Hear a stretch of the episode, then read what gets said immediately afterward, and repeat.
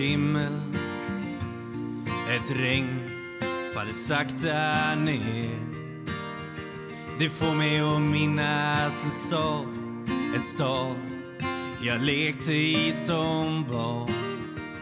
Grågrå människor i svarta, så svarta kläder. Men jag min sorglösa dag Ett vackert minne som alltid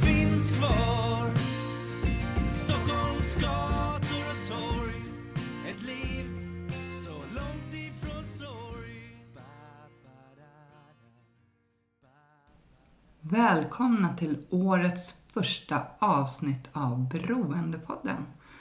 2020, hur stort är inte det? Jättevälkommen till dig som lyssnar för första gången och välkommen tillbaka till alla er andra. Det här är en podcast om alla olika sorters beroende, medberoende och psykisk ohälsa. Och jag som driver podden heter Anneli. Jag vill börja med att tacka alla er som hör av er. Jag svarar ju så fort som möjligt som ni vet. Mailadressen hittar ni på hemsidan beroendepodden.com. Där finns det även en flik som heter Hjälp att få. Går man in på den fliken så finns det länkar till olika ställen man kan eh, klicka på om man själv känner att man behöver stöd och hjälp. Jag vill också tacka alla er som sprider podden på sociala medier, Instagram och Facebook. Det betyder jättemycket. Fortsätt med det så att fler människor hittar hit och kan få stöd och hjälp. Ehm, lämna jättegärna en kommentar efter avsnitten också. Vad ni tycker och sådär. Det tycker jag om att läsa och det betyder mycket. Eh, Beroendepodden är ju mer än bara en podcast och eh, går man in på hemsidan så ser man allt vi gör. Och nu har vi äntligen öppnat upp eh, anmälan till eh, vårens eh, sorgbearbetningskurs. För vi har eh, sorgbearbetningskurs på våren och på hösten. Och det är vår fantastiska handledare Mia Rubin som håller i den kursen. Hon jobbar som coach och handleder sorgbearbetning på heltid. Hon är så fantastisk. Så är man intresserad av att gå en sån kurs så kikar man in och så anmäler man sig så fort som möjligt för jag tror platserna kommer till slut. Vi har även öppnat upp eh, anmälan till Flatenloppet, mitt hjärtebarn som eh, vi har i september varje år. Flatenloppet är ett löplopp där man springer eller går för att bryta tystnaden kring psykisk ohälsa och beroendeproblematik. Vi har även ett barnlopp och som jag precis sa så är man jättevälkommen att gå runt. Eh, in och anmäl er till Flatenloppet så gör vi det här tillsammans. Bryter tystnaden kring psykisk ohälsa och beroendeproblematik. Och som jag brukar säga, på Flötenloppet är det alltid fantastiskt väder.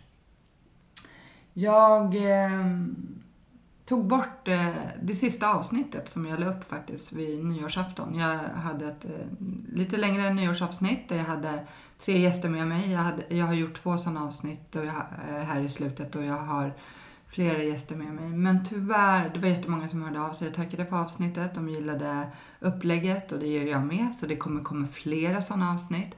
Men tyvärr så var det många också som hörde av sig kring ljudet. Jag använde mig av nya mikrofoner och eh, eh, det verkade som många upplevde ljudet väldigt dåligt medan vissa inte upplevde det alls speciellt dåligt. Ja, det verkar vara olika beroende på vilken poddkanal man lyssnar på. Och det är också ett tips, om du upplever ljudet dåligt någon gång sådär, eh, så testa att lyssna från en annan poddkanal. Men till slut så kände jag så att jag tar bort det här avsnittet för det var för många som hörde av sig kring ljudet. Um, och jag vill ju att ni ska ha den bästa upplevelsen som går när ni lyssnar på den här podden. Uh, jag gör ju verkligen allt för att ljudet ska vara så pass bra som möjligt. Men det får ni inte glömma, det är ju att jag faktiskt är en amatörpoddare. Jag sitter i mitt kök, eller hemma hos den jag poddar, eller på något annat ställe. Jag har inte tillgång till någon poddstudio och eh, allt jag gör har jag lärt mig själv via typ Youtube. Hur man redigerar, hur man gör hemsidor, hur man lägger upp eh, podd, allt det där. Så eh, ja, jag är en amatörpoddare och ljudet kan ju skiljas lite grann. Men det får ju inte vara så pass dåligt så att det inte går att lyssna på. Självklart inte. Då tar jag bort avsnittet så. Eller då lägger jag inte upp det överhuvudtaget. Men mitt mål är ju att ni ska ha så pass bra ljud som möjligt. Och jag kommer kika mer på det och se om jag kan få till ljudet ännu mer. Men eh, att vara poddare är mobilt, så jag åker ju runt och poddar. Så jag hamnar hemma, hemma hos folk eller sådär. Så, och det är inte många som har en poddstudio hemma som jag kan använda mig av. Eh, men då vet ni det om ni undrar vart avsnittet har tagit vägen. Men jag kommer ju självklart släppa avsnitt hela det här året. Så ni behöver inte vara oroliga, det kommer fler avsnitt. Och kom ihåg att det är ni lyssnare och mina fantastiska gäster som gör den här podden så underbar. Jag älskar er alla. Utan er och utan mina underbara gäster så vore podden ingenting.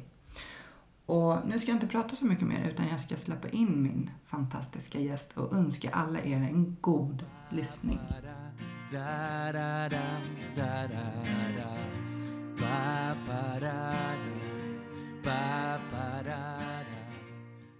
Välkommen till eh, Beroendepodden Susanne. Tack så mycket.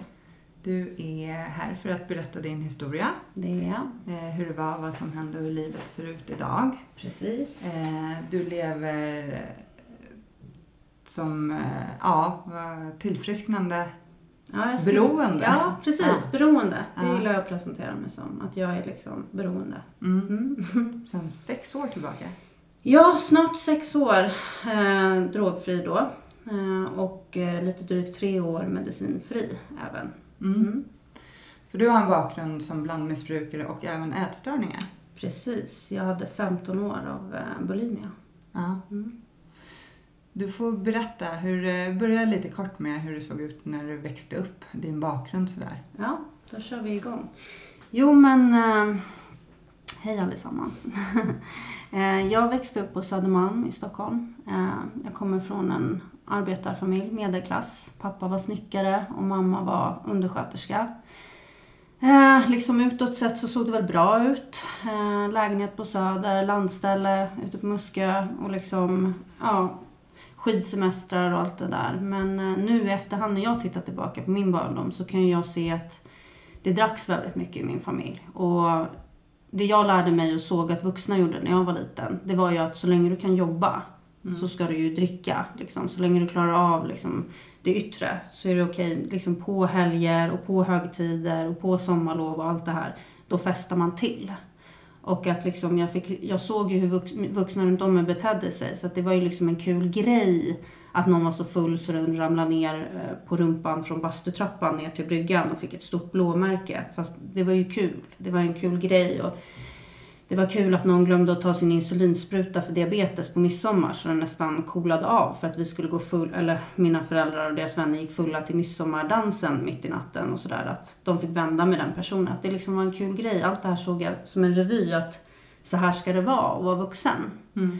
Eh, Och jag blev väldigt tidigt introducerad till att smaka alkohol. Min pappa tyckte att det var ja, men en rolig grej att jag kunde lukta på viner och veta vilken druva det var och veta sådär. Han tyckte det var typ ett litet festtrick. Så. Alltså jag tror inte de förstod allvaret i att liksom ge ett barn alkohol. Hur gammal var du då? Ja, alltså då var jag väl åtta. Men första gången min pappa gav mig en öl var jag typ fem. Och då var det på tunnelbanan eh, i samband med en Joe Cocker-konsert.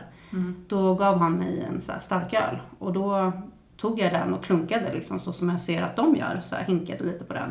Och jag minns inte att jag blev full den gången. Och jag minns inte om det liksom, ja men du vet det här alltså, I have arrived, ingenting sånt. Men jag blev ju väldigt tidigt introducerad till alkohol. Eh, sen hade jag ju många skumma beteenden. Jag, liksom, jag hade väldigt skumma beteenden för mig när jag var ett barn. Det var mycket att jag en period så ljög jag väldigt mycket, alltså hittade på historier som inte var sanna och sådär. Och en period så snodde jag mycket leksaker från vänner och snodde pengar hemifrån och från släktingar och sådär. Och då var jag också typ 6-7 år gammal så det här var väldigt ungt, liksom bu- som man skulle säga nu är lite busiga beteenden. Så hade jag väldigt tidigt. Liksom att, idag kallar jag det att jag var symptombärare på min familjs eh, dysfunktionalitet. Jag skyller inte över mina beteenden men å andra sidan är man ett barn Då kanske man inte har liksom den förmågan att, att kunna agera rätt om man inte liksom har det bra. Sådär. Eh, så att, ja men jag snodde leksaker, jag höll på lite med socker, alltså åt, smyg åt socker, gömde socker, eh, ljög. Mm. Sen när jag var typ 11-12 där, då hittade jag till alkoholen på riktigt. Och eh, även till cannabis då. Vid typ 13 års ålder tror jag det var. Eh, och liksom, då gick det jävligt fort utför för mig. Eh, då, ja men jag liksom, jag blev jättemobbad i en skola. Jag bytte till en skola här ute i Björkhagen faktiskt. Mm. Och där fick jag bara gå i tre veckor. Sen blev jag utkastad därifrån för att jag, ja men jag var så busig. Jag drog igång hela klassen och jag var som rebell. Jag var redan liksom, min hjärna var redan hijacked, liksom kidnappad. Jag var väldigt vild var jag. Mm. Men hur Eh, mådde du som barn? Eller den här perioden? Var det liksom att det var Alltså, spännande och kul eller var det redan då någonting du ville fly ifrån? Det var ju nog att jag gick in i en fantasivärld väldigt tidigt Mm. och lärde mig att leka med mig själv väldigt mycket och sådär. Och eh, första gången jag hamnade på sjukhus för magont var jag sju år gammal och det var liksom inte blindtarmen eller något sånt utan det var ångest. Så att det var mycket liksom för mig. Det, det har jag förstått i efterhand att det måste varit mycket där. Mm. Ja, men eh, så Ja, så var jag där. Jag vill komma tillbaka till ålder 13 då när jag var här ute. Då hängde jag ett gäng här ute i Kärrtorp. Vi stod här vid tunnelbanan. Gjorde livet jobbigt för alla. Eh, och jag var utkastad från skolan då. Um, ja, så att socialen blev inblandad. Eh, jag blev LVU-ad. Det är lagen om vård av unga. Och eh, jag vaknar upp av att polisen kommer och hämtar mig. Eh, och eskorterar mig i handbojor ut i en piketbil. Och då är jag 13 år gammal. Eh, och då var det iväg till Lövsta skolhem. Jag vet inte om det hemmet är kvar ännu, men det var som ett häkte för barn. Så att det var larm, det var isoleringsceller, det var pansarglas, det var galler. Och där kom jag, 13 år gammal, liten spillevink, liten tjej. Eh, och satt med liksom fem killar, så här, du vet 15-åringar som har liksom någon har rånat någon på Flödder, eh, Rohypnol då, med en pistol och någon annan är en biltjuv.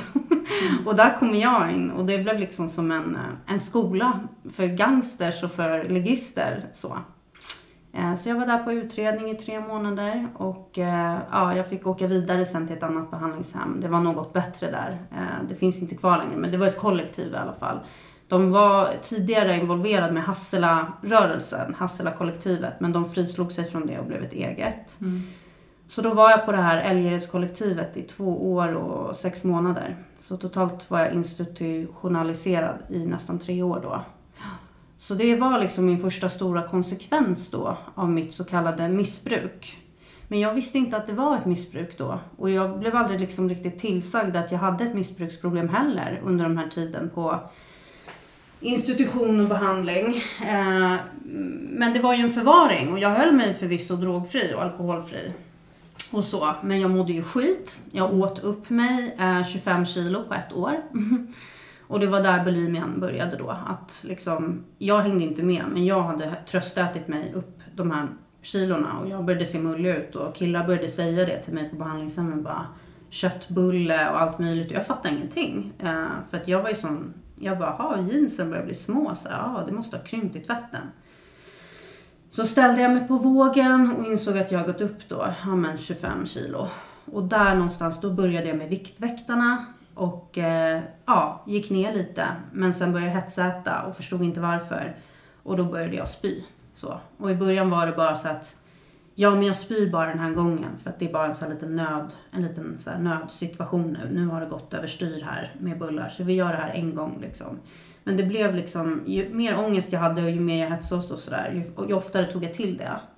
Sen den den här, alltså som missbrukare, när man väl är igång och missbrukar, då har man en så kallad mental besatthet kring sin huvuddrog. Mm.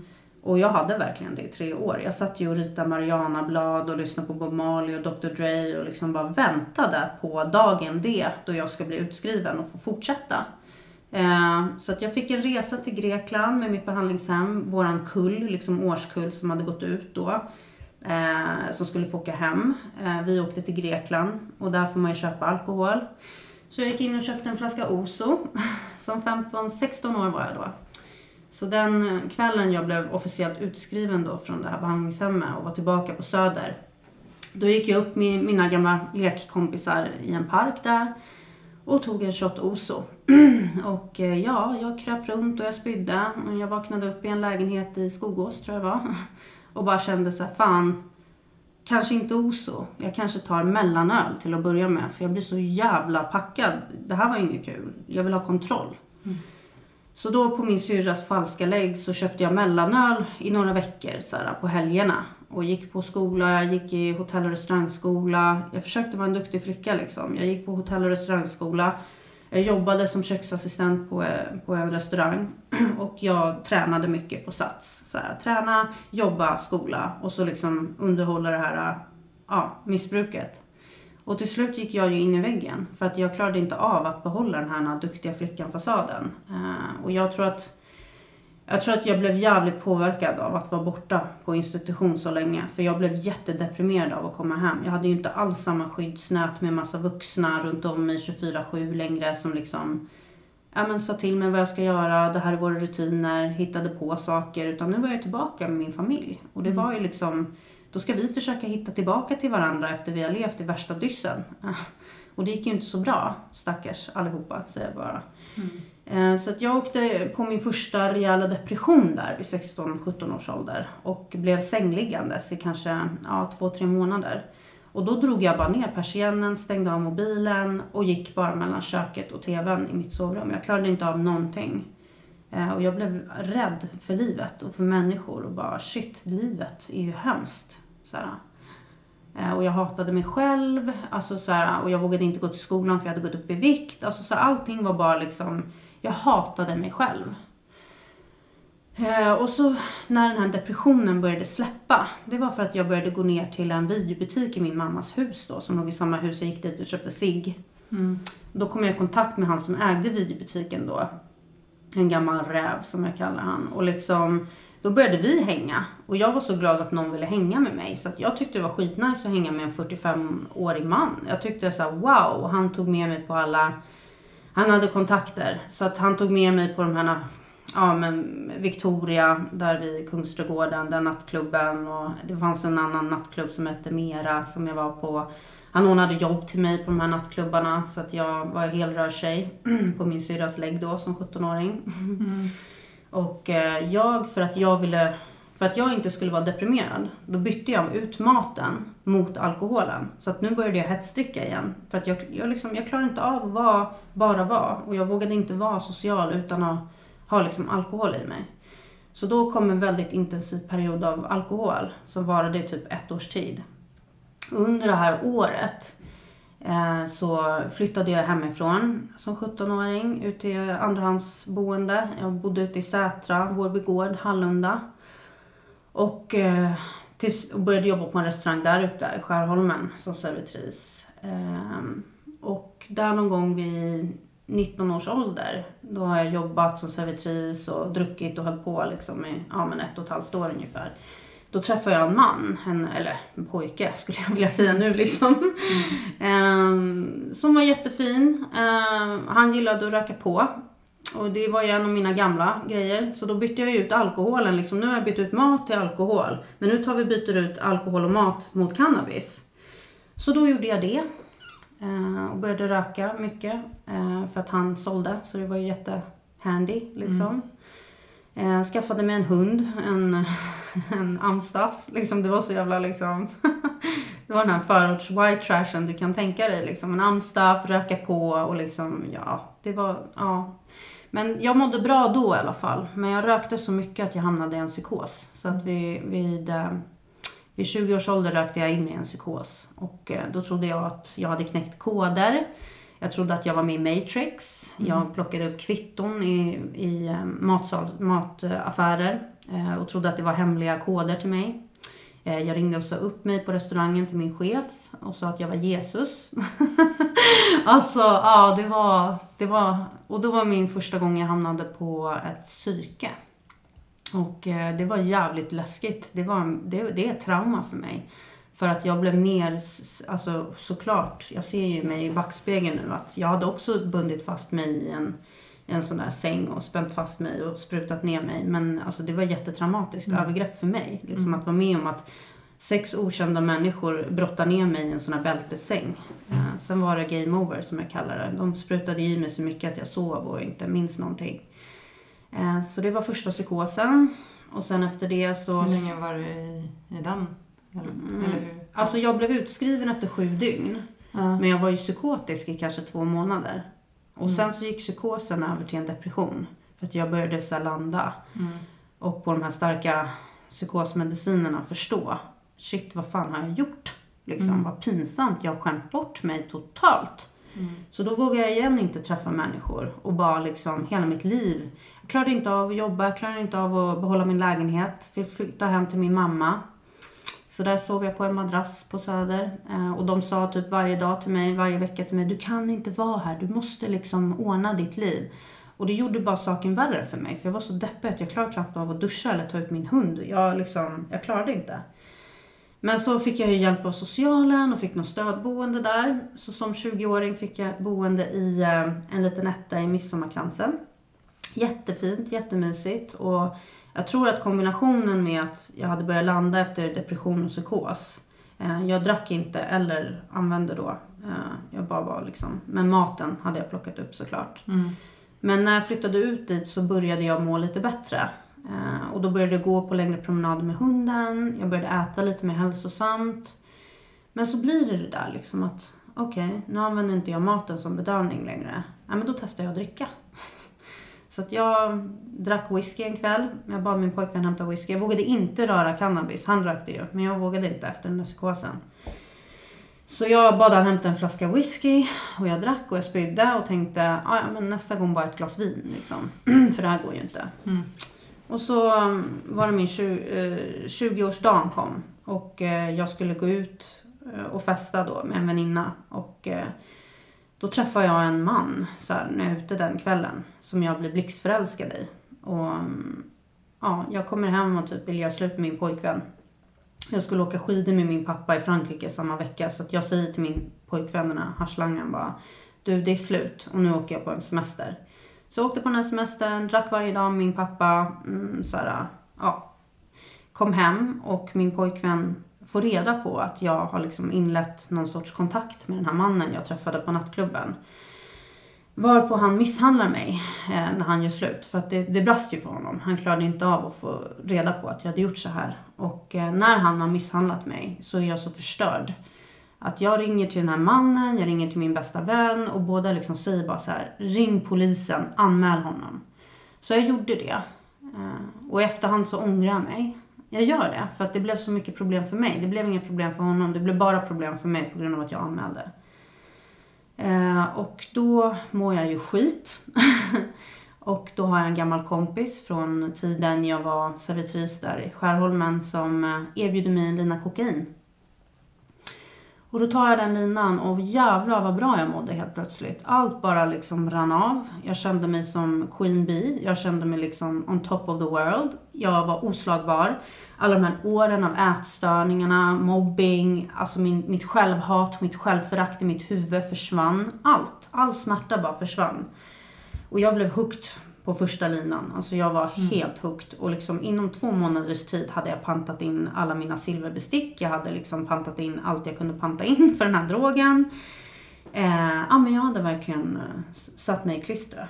Och eh, jag träffade jag träffade en man på Stureplan som var kokainlangare. Och vi förlovade oss ganska snabbt. Liksom. Och nu efterhand så undrar jag liksom, ja, jag vet inte om det var så mycket kärlek eller om det var mitt beroende som bara, herregud, det här är ju bäst. Men då kände jag, jag, jag, jag förhandlade med mig själv så här att jag kanske inte är jättekär i den här mannen, men han är min bästa vän. Så här, För att han, vi åkte till London och han gav mig pengar att shoppa och vi levde, vi levde jävligt deluxe. Vi bodde varje natt på hotell, alltså jag fick köpa vad jag ville. Alltså här i Stockholm också, vi festade på Stureplan. Sen tog vi in på något hotell sen på morgonen och bara festade vidare där. Så att jag, jag liksom förstod inte att han var langare riktigt. Jag trodde att det gick bra för hans företag bara. Jag var ju ung så här, jag var naiv. Mm. Eh, Så vi, var, vi förlovade oss efter två månader. Ehm, och vi skulle flytta till Thailand och så här, ja, driva hans bar där och sådär. Och eh, två dagar innan avresa kommer insatsstyrkan och hämtar honom. Då har de haft span på honom under en längre tid och liksom samlat ihop bevis. Eh, och han åker in, fulla restriktioner, vi har ingen kontakt. Och jag beslutar mig för att åka själv då till Thailand. Eh, för att hans väninna typ sa till mig bara du är så trasig just nu, jag tror att han skulle vilja att du åker iväg. Och jag tänkte så här att ja, jag är så inne i sånt kokainmissbruk nu så jag måste åka iväg och rehabba mig själv. I Thailand? Ja, precis. Av alla ställen. Ja, exakt. Ja, och jag råkade till och med få med mig ett gram kokain in på flygplatsen. Och då istället för att kasta det, men då snortar jag ju upp allt innan planet lyfter. Så då sitter jag i mitten mellan två stackars tanter och bara pratar i flera timmar. Och bara inser så här, men jag måste nog landa nu. Så då tar jag några Valium och så går jag ner och tjuvröker på toaletten och blir ertappad med det. Alltså, du kan ju bara tänka dig vilken trasig person som åker iväg. Så kommer jag ner till Thailand, jag hetsdricker i flera dagar och börjar fråga runt efter kokain direkt. som jag skulle sluta med. Men då blir jag erbjuden något annat istället. och då var det en snubbe som tatuerade mig som sa, här, testa det här. Vad är det? Ja, vi kallar det jabba. Jaha, är det som kokain? Ja, ja, du vet de har ett uttryck där. Same same liksom säger de. Ja, same same. Okej, okej. Då visar det sig att det är alltså metamfetamin. Det är nog en av de starkaste uppåtgrejerna du kan använda. Och eh, jag freebasar det och jag var hooked på det. Och jag stannar i Thailand, jag skiter i allt. Skiter i min hund, skiter i allt. Stannar där i två och en halv månad tills jag blir häktad i en grov metamfetaminpsykos. Och i det här häktet då så Alltså det var kaos. Eh, Jag var kaos, jag hoppade runt som en liten apa i den här buren och de, det slutade med att de handbojade mig fast då i gallret. Och kom in och piskade mig med handdukar som de virrade ihop sådär och piskade mig för att jag var så, jag, bara, jag var ju så galen. Ja, Och de gjorde ju sitt på sitt sätt så som thailändarna gör där liksom. Det är inte direkt svenska, svenska regler. Ja. Så um, svenska konsulatet kom och hämtade ut mig därifrån efter några, jag tror totalt sju dagar var jag i det häktet. Eh, på Kata Police Station i Phuket. Och då blir jag direkt transporterad till eh, Phuket Hospital. Och där blir jag återigen fastbunden, nersprutad, game over. Eh, för att då stod jag, jag minns vad jag gjorde innan jag blev nerbunden. Då stod jag med massa schampoflaskor och hällde ut som i stjärnor eh, schampot på marken. Och liksom de bara okej. Sen blev jag hemflugen med en läkare bredvid mig för de vågade inte släppa mig själv på planet. Eh, och direkt när jag landar så kommer min pappa och hämtar mig på Arlanda och skjutsar mig raka vägen till psyket. Så alltså, med beroendesjukdomen pratar de ofta om så här konsekvenserna. Du vet, fängelse, institutioner och döden. Så det var verkligen fängelse och institutioner för mig. Liksom. Och då, nu har jag bara hunnit bli 20 år gammal. Eh, ja, och eh, alltså jag, jag, jag, jag spolar fram lite nu men, men alltså för att kortdra det hela, alltså så här, för att sammanfatta det här så var det ju så att jag var ju ren och drog, alltså drogfri på behandlingshemmet i tre år, från 13 till 16. Men sen plockade jag ju upp där eh, och drack igen så fort jag var utskriven. Och då var jag alltså ute i aktivt missbruk i tio år. Mm. och liksom det jag har berättat lite nu om, det är ungefär hur det var. Eh, det var liksom, den där lägenheten i Midsommarkransen sumpade jag ju. Den försvann ju. Och Alltså hemlös, jag var inte hemlös så att jag liksom sov ute på gatan. Men jag, jag hade ju ingen egen lägenhet. Eh, och jag minns där att när jag kom hem från Thailand, då var jag ju fortfarande i psykos, jag rymde från psyket. Eh, och då var det vissa nätter, då gick jag till liksom illegala spelklubbar och hängde där. Och, och åkte hem med någon som kunde låta mig sova hos dem typ. Eh, och så tills jag träffade någon som blev kär i mig. Och så bodde jag hos honom liksom. Eh, och det var så det såg ut. Och jag var aldrig singel utan jag liksom hoppade mellan förhållandena för att ha någonstans att alltid bo och ta vägen. Så. Ja, um, ja, jag hatade mig själv fruktansvärt mycket. Jag trodde inte jag var värd någonting i och med ja, men psykoserna, vad jag hade gjort, att jag hade skämt ut mig så, och min familj och allt det där. Eh, men då började jag jobba igen i alla fall. Det var en ganska snäll man jag landade hos som var otroligt medberoende. Men han var snäll och han fick mig att landa.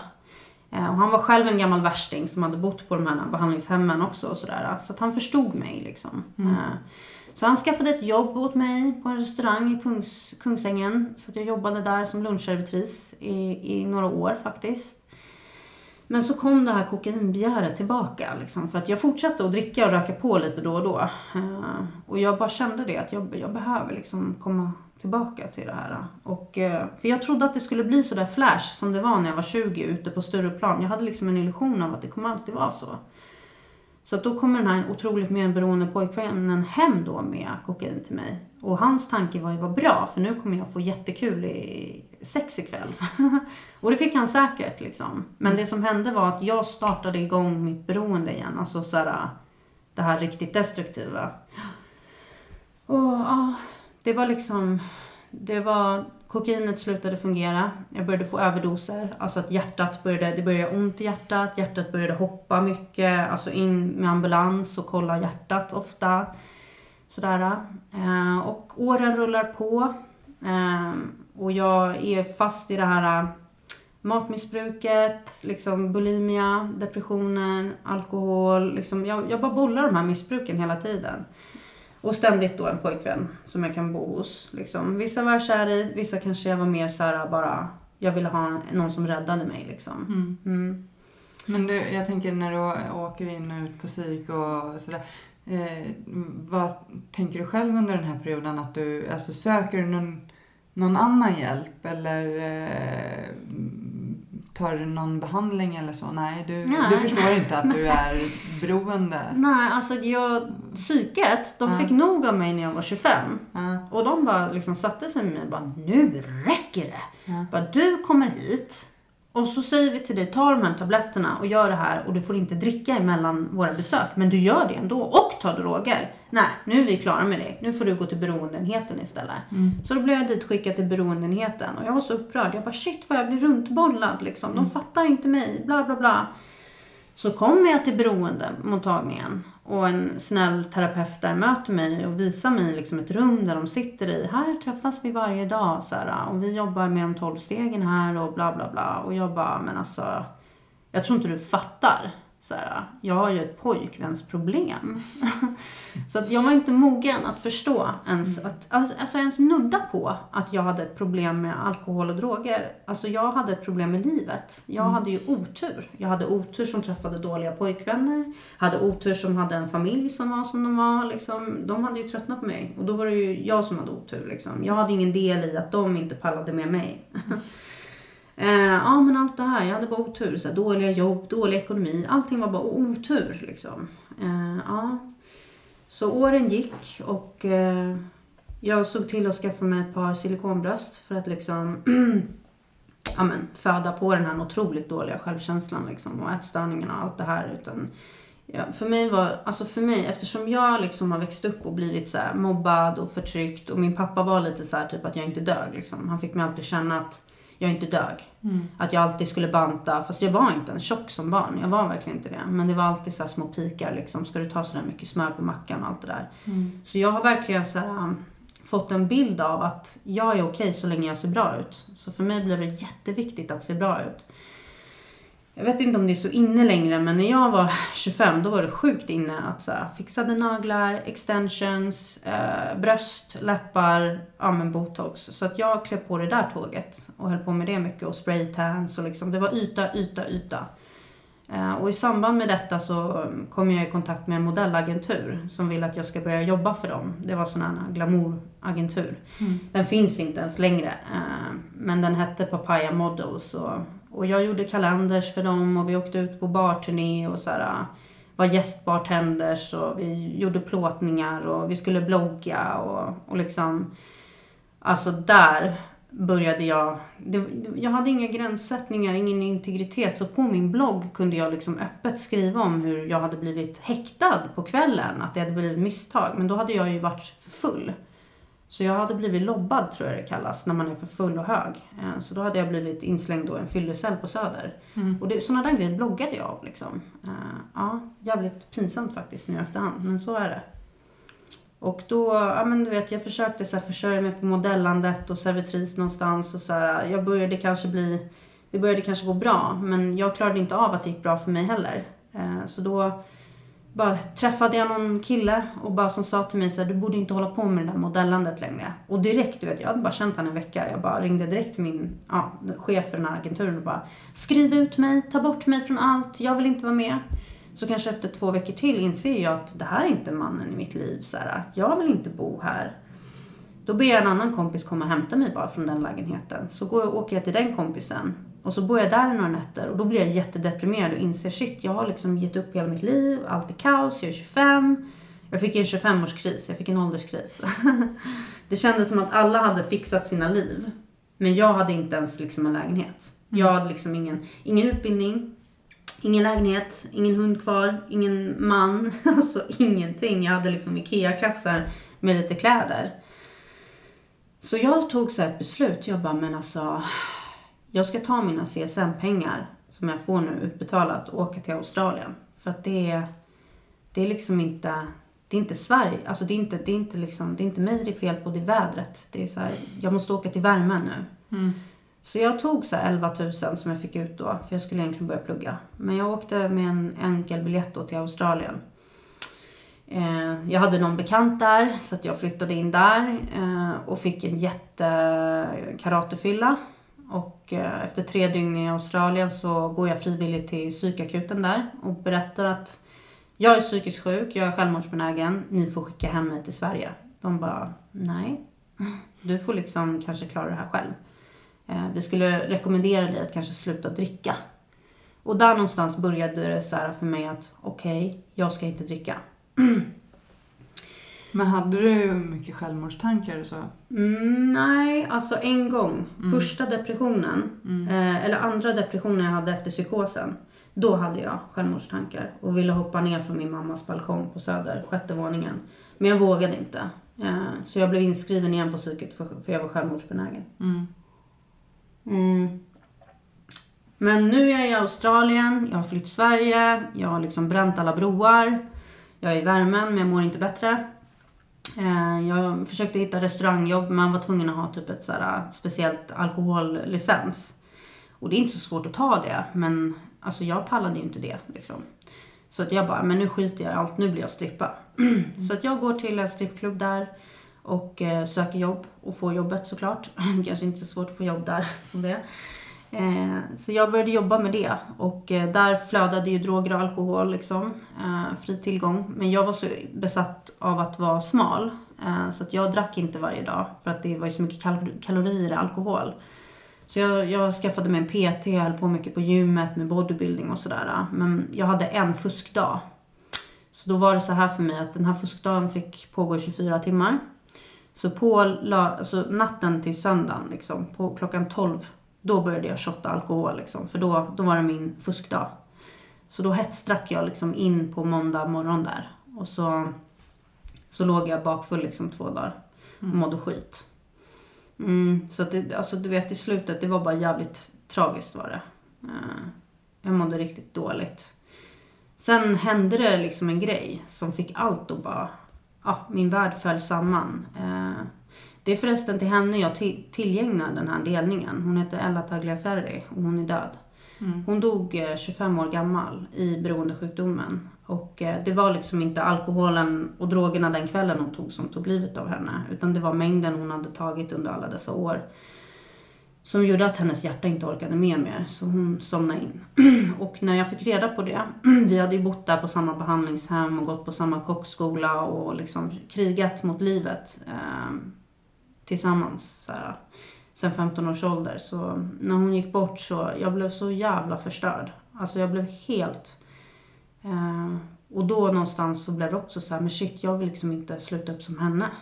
Eh, för att vi var väldigt lika i vårt sätt att festa. Det var någon vända till Finland där vi tog tillsammans. Och jävlar liksom, vi skulle vara där i två dygn och vi fastnade i nio. Eh, så. så såg det ut. Mm. Mm. Men när hon dog så började jag verkligen på riktigt bara, nej men nu ska jag sluta. Så jag bokade en så här resa till Thailand för att boxas. Jag ska boxas, gå på thaiboxningsläger i tre veckor och jag ska bli clean. Så att jag dricker in i det sista tills jag åker till Thailand. Jag slänger alla tabletter och jag boxas sex timmar om dagen, sex, sex dagar i veckan i Thailand. Och visst, jag håller mig drogfri. Men samma kväll jag kommer tillbaka till Australien, då börjar jag dricka och använda droger. Så att jag liksom, då, där någonstans insåg jag, fan det funkar inte. Liksom, hälsohem, jag hade börjat träffa en psykolog där i Australien. Alltså jag fattade inte liksom varför hjälp, alltså ingenting funkar liksom. Mm. Mm. Och då hade jag någon karatefylla där på en sån här ja, lördag natt till måndag dag. Som gick ordentligt åt helvete och jag bara kände att jag ville hoppa från en balkong igen och du vet sådär. Men jag gjorde ju inte det. Jag vaknade upp liksom eh, den morgonen. Eh, det här i alla fall med det här möten. Jag hade blivit tillsagd så här, flera år, bara, du kanske ska testa 12-stegsprogrammet. Och då hade jag ringt till hon som dog i överdos, Ella, och sagt Ella jag ska gå på ett 12-stegsmöte. Och hon hade bara nej! Gå inte dit, det är en sekt, folk håller varandra i händerna, det är helt sjukt, de pratar om Gud, nej nej nej, gå inte dit. Jag bara okej, okay, okej, okay. Men när hon dog där några år senare och jag hade liksom testat allt. Då hade jag testat att åka utomlands, jag hade testat att byta pojkvänner, byta namn, byta hårfärg, eh, psykoterapi, eh, mediciner, hälsohem.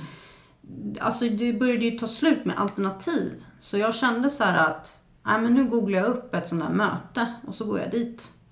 Eh, och det var en måndagkväll och jag kom in där och jag hade liksom en vit trenchcoat på mig. Jag var så jävla kapitulerad liksom. Jag var så färdig. Jag hade gett upp. Jag hade inga, inga, alltså inga reservationer kvar på att, att söka hjälp. Liksom. Att jag inte fixar det här själv. Så då kom jag in där och jag blev jättesnällt välkomnad och jag fick ett råd att gå på möten varje dag i 90 dagar. Och jag tog det rådet. Och på det viset, där någonstans så började min väg mot tillfrisknande som man kallar det. Mm. Och eh, ja, jag fick liksom tre månaders eh, drogfrihet. Och när jag säger drogfrihet då säger jag även alltså, då räknar jag alkohol som en drog. Så att jag höll mig borta från allt liksom i tre månader och gick på möte varje dag. Och fortsatte jobba med det jag gjorde. Så här, men det gick bra liksom. För att jag hade, det gick bra för jag hade så mycket stöd från mötena. Men så slutade jag så här, jag trappade ner på mötena för jag hade gått på 90 möten i 90 dagar. Och då tänkte jag, men gud vad bra, nu har jag typ tagit studenten från det här, den här grejen. Så att nu kan jag börja trappa ner. Eh, och då gjorde jag det och eh, ett, tu, tre så började jag bete mig jävligt liksom skevt. Jag hade lite, jag kallar det liksom lite återfallsbeteenden. Alltså jag visste ju inte det då men jag, ja, men jag var otrogen mot min pojkvän jag hade med någon droglangare. Alltså jag betedde mig liksom skevt. Eh, och målade in mig i ett sånt här hörn. Så det bara blev så himla obekvämt att vara i mitt eget skinn. Att jag hade inga andra alternativ. Jag var tvungen att dricka igen. Så då var det en måndag kväll där på jobbet som jag bara, men jag tar den här vodka sodan ikväll. Så går jag tillbaka till det här tolvstegsprogrammet imorgon. Så. Då tog jag den vodka sodan och så bara, jag drack och drack och drack. Det, finns, det fanns ingen botten på mig. Jag kände inte att jag blev full. Jag kände inte det här det där som jag brukar känna när jag använder något. Liksom. Jag fick inte den där, ja, ja, den lättnadskänslan. Det funkade inte längre. Men jag kunde inte lägga ner att använda på typ två månader. Så att i två månaders tid så hetsanvände jag allt jag kom över. Liksom. Jag köpte världens största påse marijuana eh, för 400 dollar tror jag. Och den rökte jag upp på en vecka. Det, var liksom, det blev ingen botten. Jag kände inget. Jag ville bara ah, ge mig liksom det här, den här känslan igen av att allt är okej och att jag skiter i allt. Men det, var liksom, det gick inte. Och jag kände mig ganska ensam för jag hade fått fina vänner i det här programmet som liksom bara, hallå vad händer? Du vet, ska du inte komma med? Och du vet, jag känner mig jävligt så här ensam. Eh, och jag är otroligt tacksam för de människorna där i Australien som jag hade träffat på mötena. För även fast jag var aktiv så kom de och knackade på hemma hos mig bara, du eh, bilen står här utanför, vill du hänga med på ett möte eller? Och jag var skitotrevlig och bara, ja ah, kanske, så här. De bara, men kom med nu så här. Och jag var jätteotrevlig och du vet, hög och full men de, de tog med mig ändå. Och liksom, jag är väldigt tacksam för det faktiskt. För att någonting satte sig igen i mig. Och efter de här två månaderna av intensivt användande så fick jag bara, jag gav upp igen. Och bara kastade det lilla sista jag hade kvar och bara, okej, okay, dag ett, nu kör vi. Och jag var så glad, minns jag den dagen, jag fick ett dygn drogfri igen. För då i de här tolvstegsmötena, man får inte dela, man får inte prata eh, om man har använt under det, den, det dygnet. Så jag minns det att jag var så glad att jag ställde mig upp när det var min tur att dela och bara Jag har en dag! Liksom. Jag var så jäkla glad. Mm. Eh, och där någonstans så liksom kom det en ödmjukhet också kring vad det är beroendesjukdomen är. Att den är jävligt stark. Och jag kan inte sluta när jag väl har börjat. Så jag måste hålla mig ifrån den där första. Det är den första. Det är liksom det första glaset, jointen, vad det nu är. Det är den som, har, det är den som sätter totalt fuck up på hela mitt liv.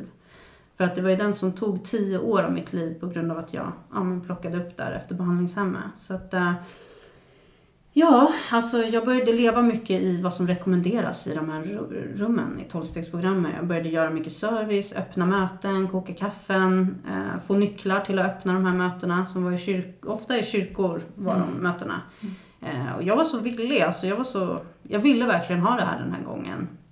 Så jag är inte ens gay, men jag öppnade, jag hade en hemmagrupp som var ett gaymöte. För jag älskade att vara där med alla de här fjolliga bögarna som liksom, ja men de, var, de hade varit värre än jag också. Så att deras historier var så jävla klockrena. Om deras aktiva.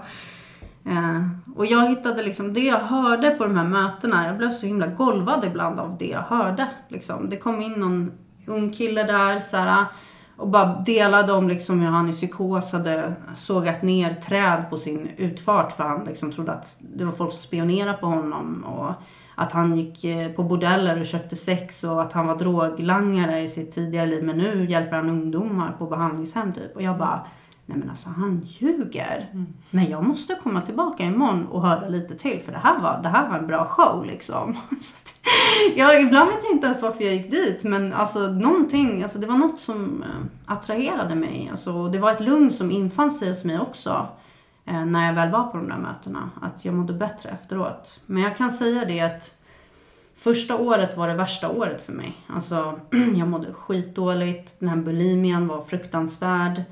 Eh, Jag hade, jag hade lite, inte självmordstankar, men liksom nio månader. När jag var nio månader ren, då började jag må så sjukt jävla dåligt att... Eh, alltså jag fungerade ju inte de här nio månaderna. Jag var helt sjukskriven. och jag bara grät, åt, gick på möte typ. och kollade på deppiga dokumentärer. Eh, drog igen liksom persiennerna, hade insomnia. Eh, gick på morgonpromenad, alltså gick på min promenad när alla gick på morgonpromenad. Då var jag fortfarande vaken. Eh, och gick på promenad och sen gick jag hem och la mig åtta på morgonen. Så att mitt liv var jävligt mörkt. Eh, och jag ville plocka upp, och den här gången ville jag plocka upp heroin. För jag bara, men alltså jag har aldrig testat heroin. Men jag vill verkligen bedöva mig. Så att nu, nu försöker jag kolla upp om någon har heroin. För att jag klarar inte av det här mer. Och som tur var hade ingen heroin just då. Och eh, i tolvstegsprogrammet så får man en sponsor om man vill. Och eh, jag pratade med min sponsor varje dag och min sponsor insåg alltså, dilemmat att jag var nära på att plocka upp. Så han kom eh, dundrandes på sin motorcykel och hämtade mig och körde upp mig till regnskogen där han bor med sin fru och sa det att här är vårt gästrum, bo här, men kravet är att du går på möte varje dag. Du hänger med mig på möte varje dag. Och då gjorde jag det. Och där någonstans släppte det. Så att vi gick på typ ett till två möten om dagen. Vi kom tidigt till mötet och vi gick sent efter mötet. Och liksom efter sex dagar, jag bara okej, nu är jag redo att leva igen. Eh, och eh, då hade den här besattheten att vilja dricka och använda lämnat mig helt. Men jag gick ju tillbaka liksom till...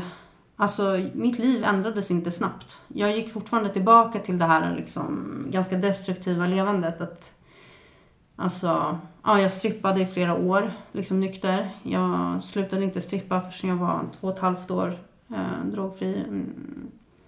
Eh, och jag blev väldigt så här, alltså du vet man hoppar i, i beroenden. Så att nu när jag hade lagt ner typ, jag hade bulimian, eh, men jag hade lagt ner alla droger. Men då blev jag så pengabesatt istället. Så nu skulle jag bli rikast och snyggast i världen. Så att jag gjorde en fettsugning, jag hade liksom PTS, jag höll på med modellandet. Jag, eh, alltså det var väldigt så här, gud hemskt. Väldigt ensamt, isolerat liv. Men jag höll mig drogfri liksom. Eh, och sen så fick jag för mig den briljanta idén att jag skulle börja ja, sälja kokain. För att jag var ju inte beroende av det själv, men jag visste ju hur bra det sålde liksom. Och det var väldigt... Ja. Så att jag, jag höll på med mycket skeva beteenden långt in i drogfriheten. Men där någonstans så, det började göra ont. Samvetet började växa. Alltså vissa på mötena, du vet när de såg mig, de skakade bara på huvudet för de tänkte bara Gud hjälp henne liksom. För det måste ju vara jättejobbigt att både, ja, sälja och men att eh, vara i den miljön som strippa där Ah. det är knark och alkohol hela tiden. Och, Ah. Eh, ja, du har verkligen kämpat. Ja, fast besattheten att använda hade lämnat mig. Ja. Så att det var liksom, jag, för mig var det inte längre ett problem att vara runt de här Nej. drogmänniskorna. Utan nu hade jag istället börjat se dem som ett sätt att kunna liksom, ja men nu kan jag få ut massa pengar av det här liksom. Ja. Mm. Så skevt var det. Mm. Men det började göra ont och alla de här pengarna, de kunde inte rädda min, liksom, mitt hål, min själ. Alltså, det spelade ingen roll vilken Louis Vuitton-väska jag köpte eller vad jag gjorde eller vilka extensions eller vad den var. Det var liksom ingenting som funkade. Mm. Så då, ja men jag, det blev så att jag tog ett liksom, jag tog ett nytt beslut och jag bad om hjälp igen. Och eh, ja, kort därpå fick jag reda på att jag var gravid. Och då bestämde jag mig för att flytta hem till Sverige och eh, ja, men lägga ner liksom allt det här äh, kriminella. Så, så jag kom hem till Sverige och det var skittufft. Men jag, jag liksom visste ju att vart jag än går i världen så har jag ju fortfarande de här tolvstegsmötena att gå till. Så att jag började gå till dem här i Sverige. Började få vänner där liksom från en kvinnogrupp. Jag tycker att, jag tycker att det var jävligt viktigt för mig som kvinna att våga vända mig till andra kvinnor. Äh, så. så att jag fick vänner från möten och äh, ja, jag hittade ett jobb, jag fick en bostad, så andra hand och magen började växa och eh, jag kämpade på liksom. Det var ju tufft. Den här killen som är pappa till barnet, han bor ju i Australien och han var ju skitarg att jag hade bara dragit så. Men jag, jag tog det beslutet för att han var aktiv. Och jag kunde inte liksom ta risken att min, mitt barn då, vårt barn skulle växa upp i den miljön. Så, så att jag gjorde det därför. Och eh, ja, alltså jag fick min dotter 2017. Mm. Och ehm, ja men gud, jag blev helt rörd. Det var typ den bästa dagen i mitt liv. Det var det. Och eh, hon är min ängel. Hon har liksom, det är hon som har pushat mig att göra de sista stora förändringarna. Det här med att släppa det här, det här jävla liksom, ytliga liksom. Alltså hon har verkligen, alltså det kan vara svårt för andra att förstå men för mig var det livsviktigt att ha extensions och lösnaglar. Men när min dotter kom, då blev det inte viktigt längre. Då var det viktiga liksom kläder till henne och liksom att vi ska ha kul tillsammans och bygga upp ett hem och liksom allt det här. Så jag fick andra prioriteringar tack vare henne. Och eh, mötena inspirerade mig. Jag gick mycket på lunchgrupper på Östermalm. Mm. Och där är ju lite finare knarkare liksom. Alltså finare alkoholister som har lite bättre utbildningar, ja men sådär.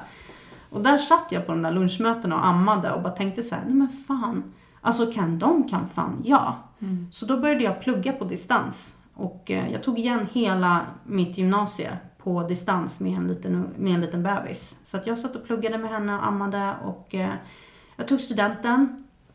Eh, och det var liksom i, i förra året då, i våras, som jag tog studenten. Och det var en jävligt stor dag för mig. För att det var som liksom en...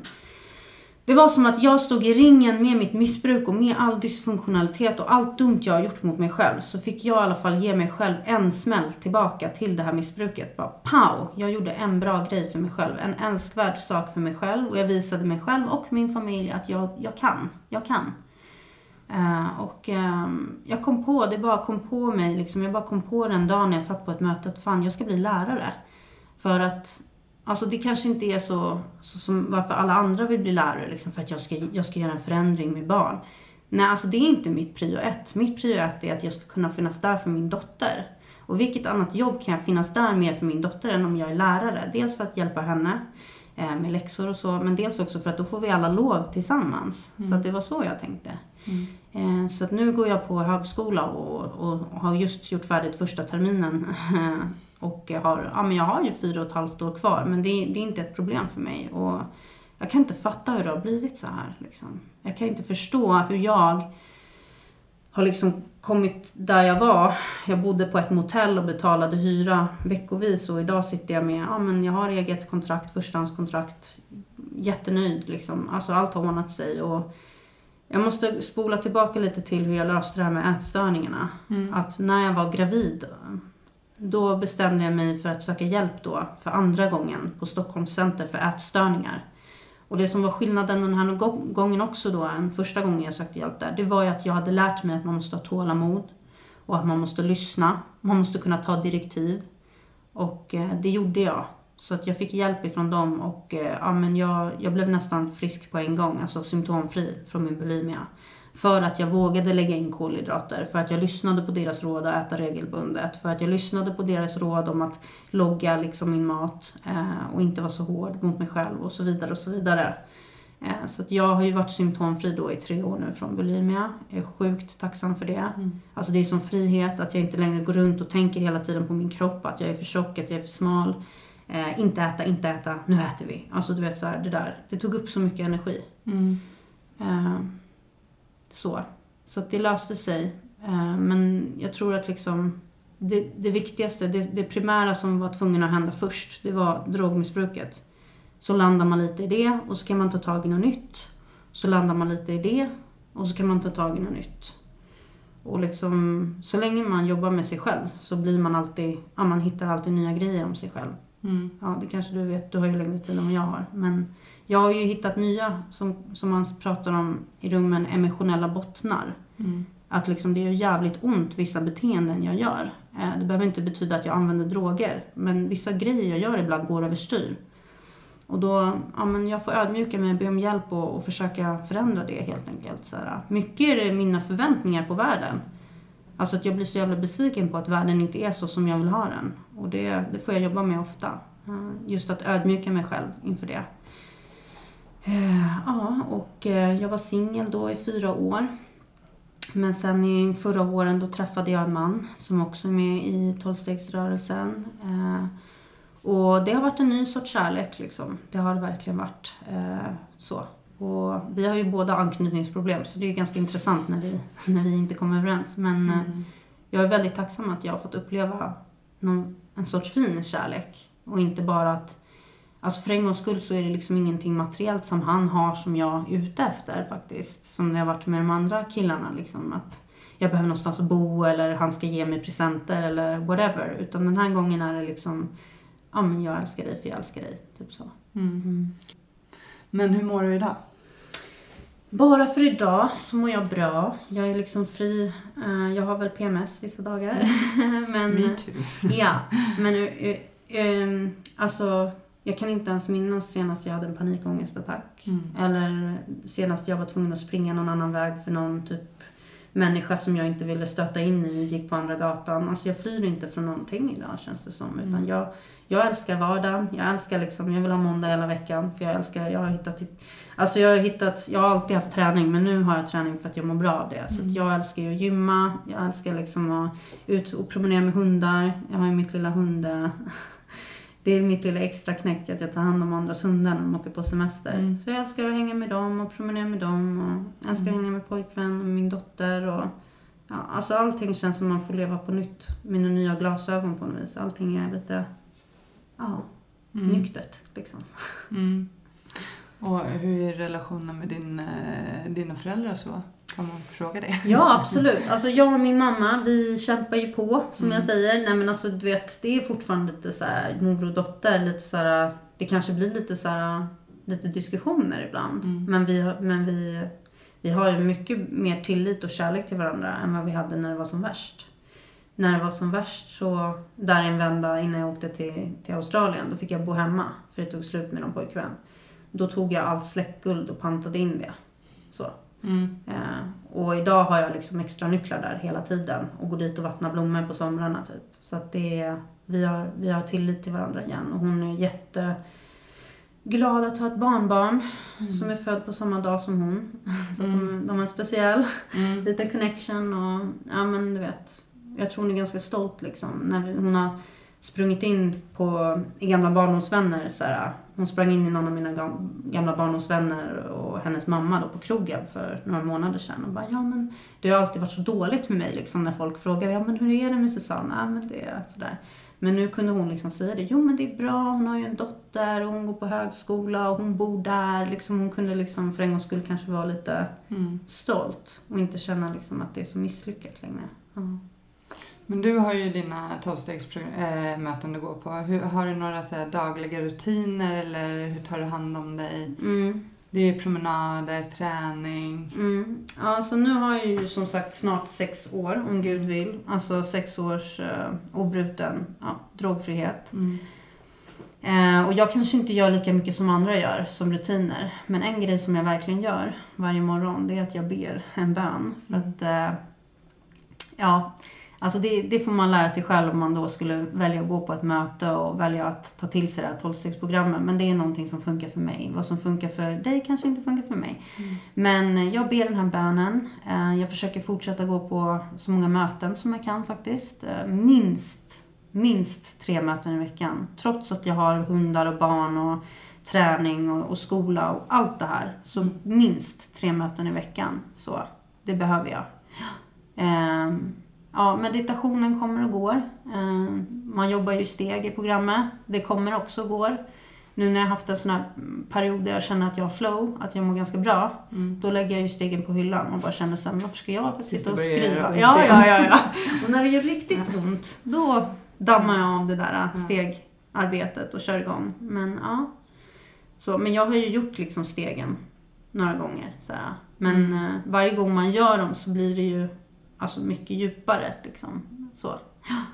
Mm, Och du har ju berättat lite om eh, självkänslan, att du inte Mm. hade någon. Hur, eh, hur har du jobbat med den? Har du haft några speciella verktyg där eller har det kommit med programmet? Eller? Wow. Svåra frågor här. Alltså självkänsla att bara vara kvinna år 2020. Lycka till. Liksom. På sociala Ja, medier precis. också. Ja. Jämför sig med alla. Ja, men jag har inga lösnaglar och inga extensions i alla fall. Men, alltså det bästa som jag har gjort för min självkänsla, det är när jag hjälper andra.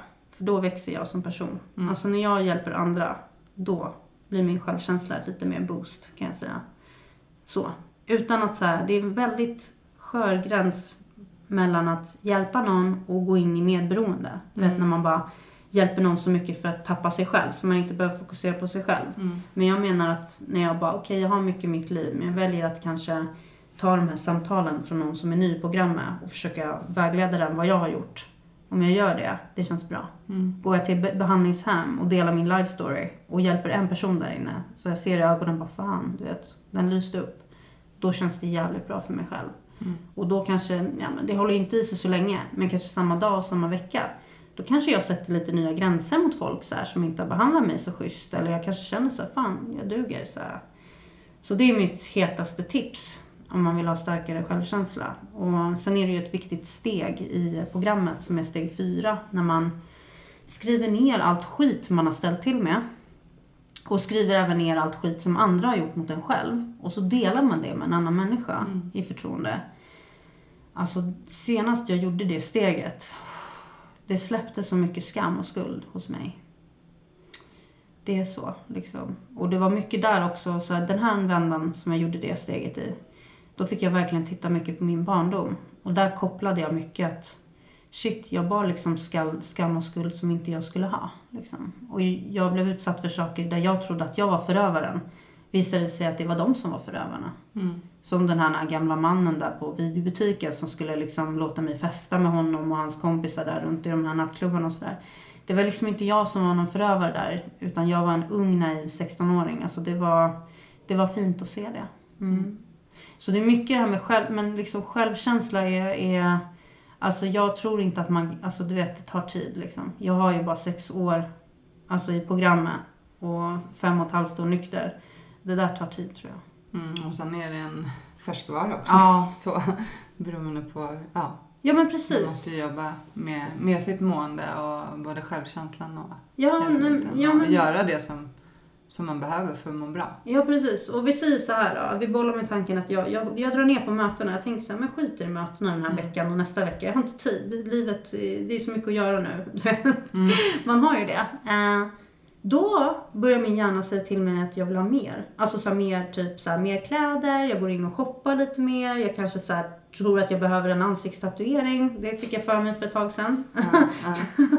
Ja, så att jag liksom inte duger. Att jag måste fylla på mer. Mm. Ja, så att mötena ger mig någon sorts andlig balans. Liksom. Jag tankar på med, med att, att inte göra något helt enkelt. Jag tror att liksom den här sjukdomen som är i min hjärna, den hela tiden pratar till mig att jag måste göra saker för att må bra. Men typ mötena, det tystar ner den där rösten och låter mig bara vara lite mer bara vara. Så här. Och så här typ, alltså det, det skulle jag aldrig erkänt för kanske två, tre år sedan. För jag är ganska tuff på ytan, men jag är en väldigt mjuk tjej inuti. Och alltså jag kanske behöver bara en fet jävla kram från några alkisgubbar. Alltså, alltså, eller vad man nu ska Mm. säga. Alltså så här, andra människor. Och bara känna så att jag är okej. För det gör jag när jag får en kram. Så här. Mm. Och är det något sista du vill säga innan vi avslutar? Till de som lyssnar? Det finns hjälp. Mm, du är inte värdelös. Du är värdefull. Alltså om du har ett problem eller känner någon som har ett problem. Alltså om du bara klarar av att bryta det här. Alltså sök hjälp. Och liksom, du har ingen aning om vilket liv du kan få. Alltså beyond your wildest fucking dreams. Jag har liksom sett folk komma in. Alltså jag, jag har liksom mött folk i det här tolvstegsprogrammet som inte haft ett skit. Och idag liksom de jobbar med Hollywoodproduktioner. Alltså vad du än vill göra. Det är det. Mm. Nu när man är, om man är aktivt missbruk, man blir så begränsad. Det, blir liksom, det handlar bara om drogen och man, man nöjer sig med att sitta var som helst med vem som helst. Man gör inte det när man blir drogfri. Man hittar sig själv. Så att, eh, ja, men ja, jag, jag hoppas till dig som har ett problem att du hittar din botten och att du söker hjälp. Mm. Kram på dig.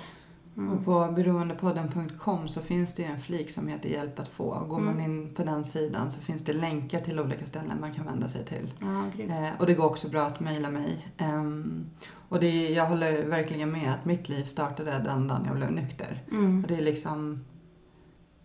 Innan hade jag typ inga drömmar, inga mål. Idag Nej. har jag nästan för mycket drömmar Ja. för mycket mål. Så jag måste också tagga ner hela tiden för att inte köra på för mycket. Precis. Men bara den grejen, att ha drömmar och Mm. ha mål och att kunna ta sig till målen. Mm. Att sätta delmål för att komma dit, som du med dina studier. Mm. Eh, och jag med mina grejer. Det är ju så häftigt. Innan då var det så här, jag vill göra det och det och jag kommer till gröna jägaren. Det var typ så. ja. Eh, jag kom inte längre än så. Inte ens till Stureplan kom jag. Nej. Nej. Så eh, jättetack för att du Ja. kom och ville dela med dig och all lycka till i framtiden. Tack Anneli för att jag fick komma. Grym podd.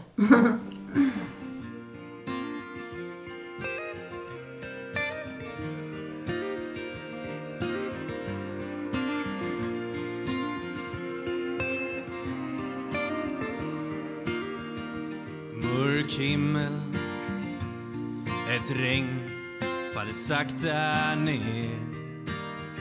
Det får mig att minnas en stad En stad jag lekte i som barn. Grågrå människor i svarta, så svarta kläder. Men jag minns sorglösa dag, Ett vackert minne som alltid finns kvar.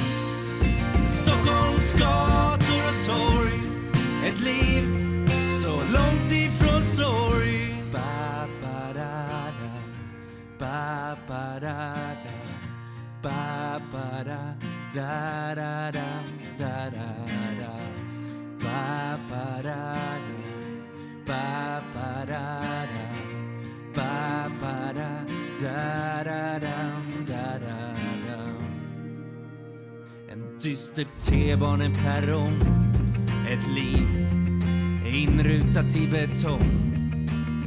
Stäng ut det andra med musik. Fokusera allt på att bli rik. Här finns en dyster atmosfär. Ett liv kretsat kring karriär.